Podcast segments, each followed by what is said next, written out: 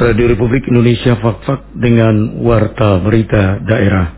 Kegiatan pelatihan penyelenggaraan pendidikan dan pelatihan tenaga teknis dan masyarakat Fakfak tahun 2020 ini adalah kita melatih kita di masyarakat dan tenaga-tenaga yang ada di kampung yaitu operator komputer, tenaga administrasi untuk membantu pemerintahan kampung dalam hal pengolahan dana kampung ini.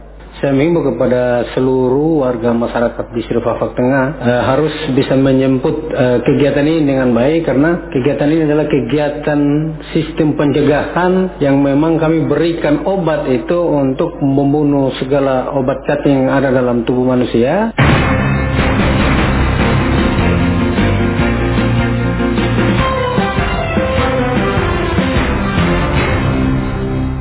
Selamat pagi, kami sampaikan sari berita.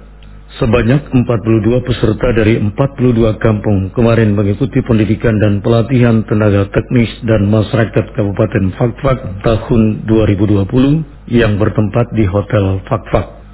Kepala Puskesmas Fakfak Tengah, Lajoni, mengharapkan masyarakat Kabupaten Fakfak dapat berpartisipasi mengikuti gerakan eliminasi penyakit kaki gajah yang dilakukan setiap bulan Oktober untuk mencegah penularannya. Itulah berita utama pagi ini selengkapnya bersama saya Ensen Lamonja.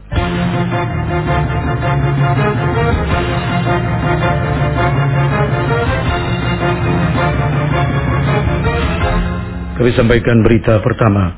Sebanyak 42 peserta dari 42 kampung kemarin mengikuti pendidikan dan pelatihan tenaga teknis dan masyarakat Kabupaten Fakfak tahun 2020 yang bertempat di Hotel Fakfak. Asisten Sekda Bidang Pemerintahan dan Kesejahteraan Sosial Arobi Hindom kemarin membuka secara langsung penyelenggaraan pendidikan dan pelatihan tenaga teknis dan masyarakat Kabupaten Fakfak tahun 2020 yang bertempat di Hotel Fakfak. Asisten Sekda Arobi Hindo mengatakan untuk memahami dan mengetahui seluruh regulasi ini, maka perlu adanya pelatihan bagi masyarakat guna meningkatkan pengetahuan dan keterampilan serta sikap dalam menyelenggarakan pemerintahan di kampung. Maka Dinas Pemberdayaan Masyarakat dan Kampung Kabupaten Fakfak melaksanakan pendidikan dan pelatihan ini bagi masyarakat di 42 kampung di tahun 2020. Untuk mengetahui dan memahami seluruh regulasi ini, maka perlu adanya suatu pelatihan bagi masyarakat guna meningkatkan pengetahuan dan keterampilan keterampilan serta sikap dalam menyelenggarakan pemerintahan di kampung.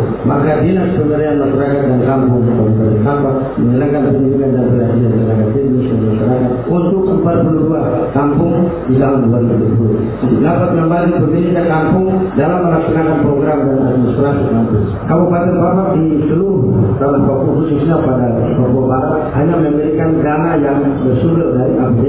Hanya di Kabupaten Kampar yang bisa mengelola APBD aktif di pemerintah kampung dan mulai tahun anggaran 2017 sampai dengan 2020 pemerintah Kabupaten Papua kucurkan dana kampung bahkan membentuk badan usaha milik kampung BUMKM.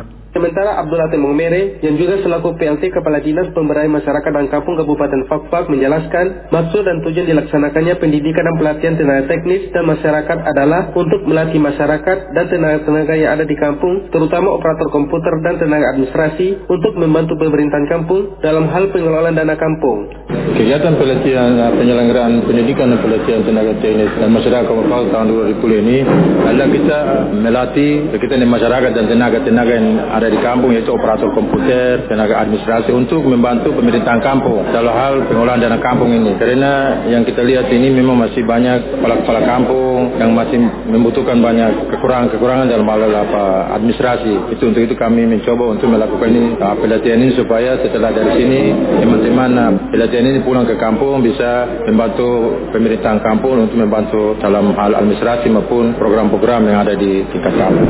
Melalui penyelenggaraan pendidikan dan pelatihan Tenaga Teknis dan Masyarakat Kabupaten Fakfak tahun 2020 dapat mewujudkan kampung membangun dengan harapan semoga pelatihan ini dapat berjalan dengan baik dan bermanfaat bagi seluruh pemerintahan kampung dalam melakukan pengelolaan dana kampung. Januardi melaporkan.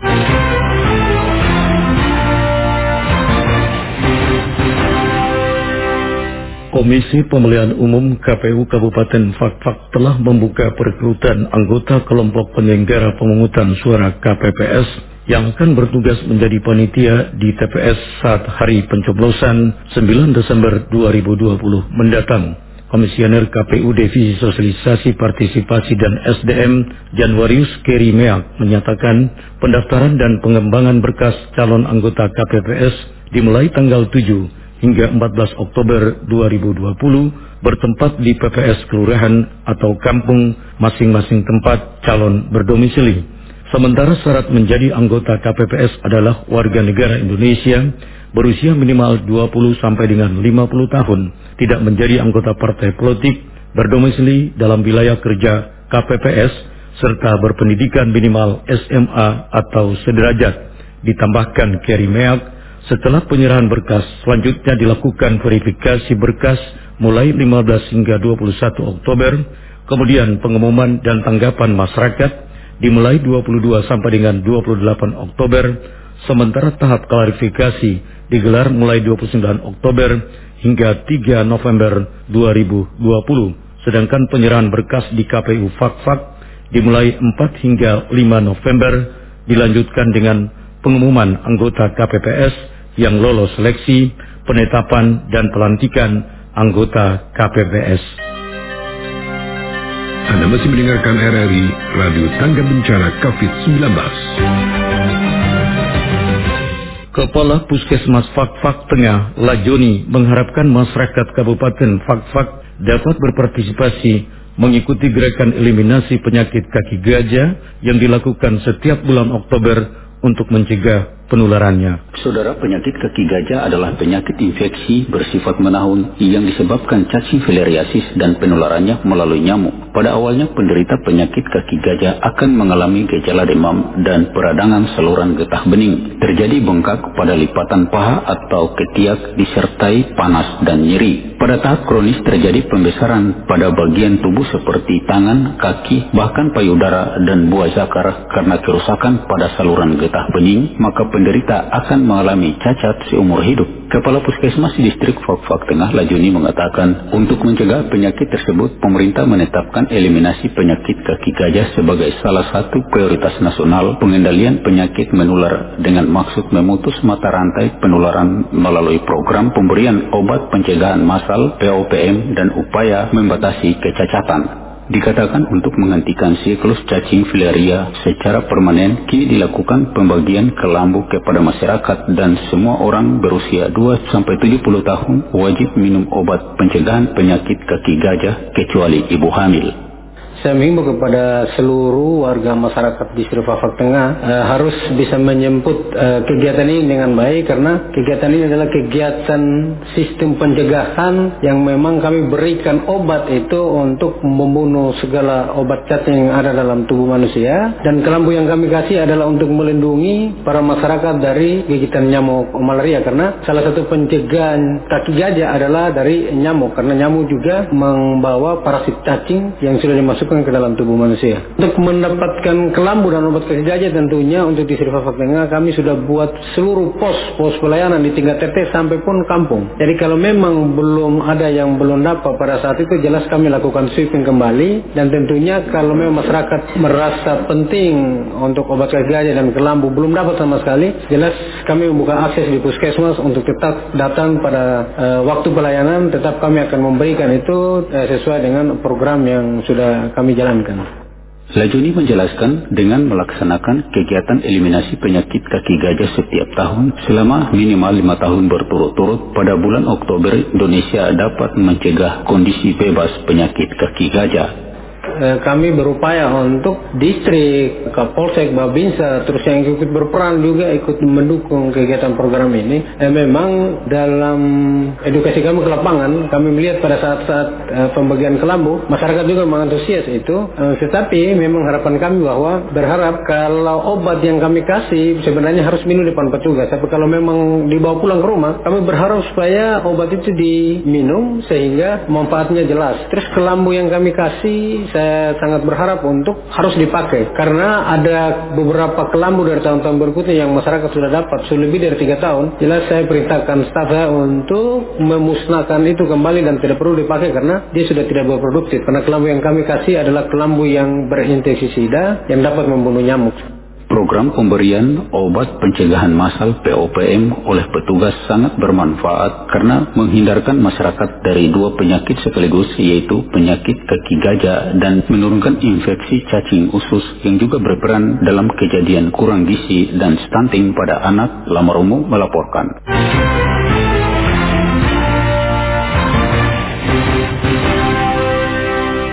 Warta berita daerah ini tengah disiarkan Radio Republik Indonesia Fak-Fak.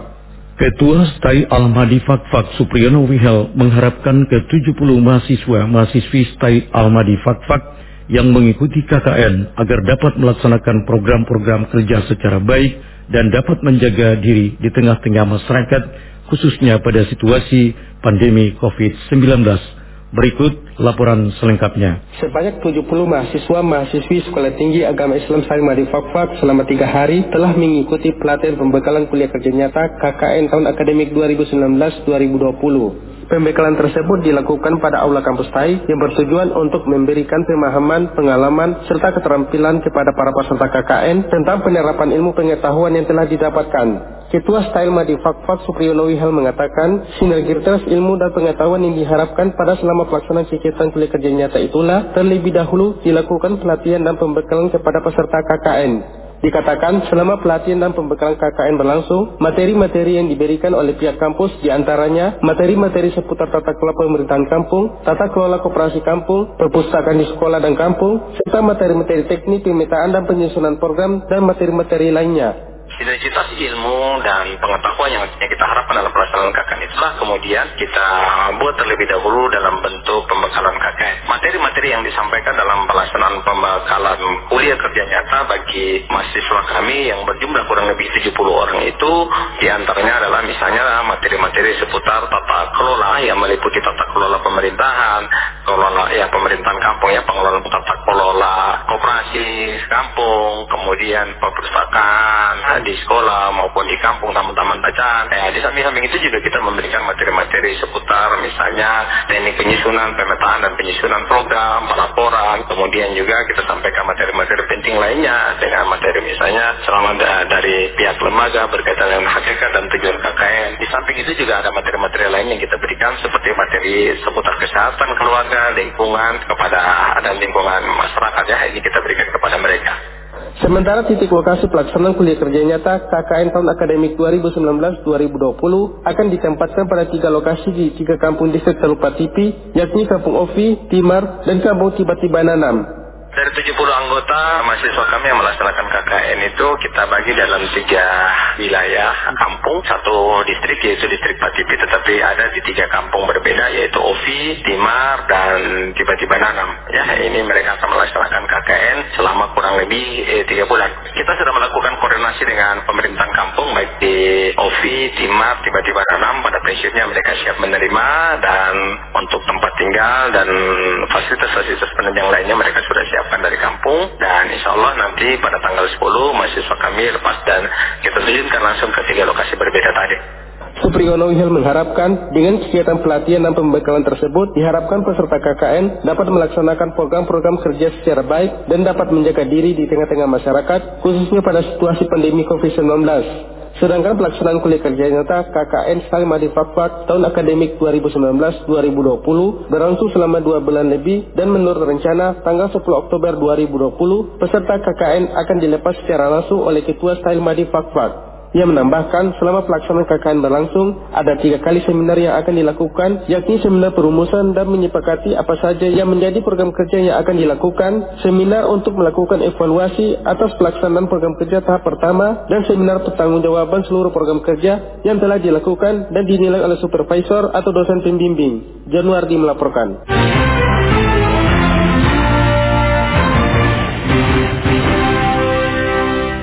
Saudara, berikut kita ikuti komentar RRI yang kali ini menyoroti tentang disiplin terapkan protokol kesehatan cegah COVID-19 bersama Niko Afleubun.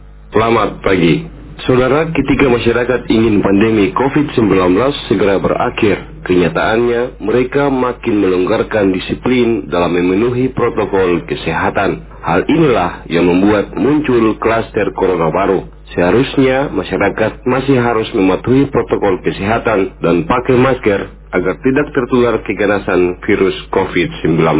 Protokol kesehatan selalu disosialisasikan oleh tim Satgas Penanganan COVID-19 dan sebenarnya masyarakat juga sudah paham ketika mendengar himbauan itu. Namun sayangnya masih saja ada sebagian pihak yang mulai lalai dan malas menerapkan protokol kesehatan. Selain itu, mulai banyak yang menyelenggarakan acara tanpa mematuhi aturan jaga jarak. Kelalaian ini mengkhawatirkan karena bisa memunculkan kasus baru seperti orang tanpa gejala. Sebuah acara bisa diselenggarakan namun harus memenuhi protokol kesehatan seperti pakai masker ketika di luar rumah, rajin cuci tangan pakai sabun pada air yang mengalir, atau menggunakan hand sanitizer dan selalu jaga jarak minimal 1 meter. Kedisiplinan dalam memenuhi protokol kesehatan harus terus dilakukan, tak hanya di sebuah acara, namun juga di tempat lain.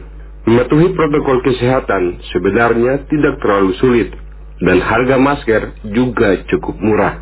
Namun sayangnya, banyak yang malas memakai masker dan melanggar protokol lain, seperti physical distancing. Tetaplah tertib dalam berdisiplin, menaati protokol kesehatan, dan bawa hand sanitizer saat bepergian. Protokol ini dibuat demi kesehatan kita bersama. Sekian komentar.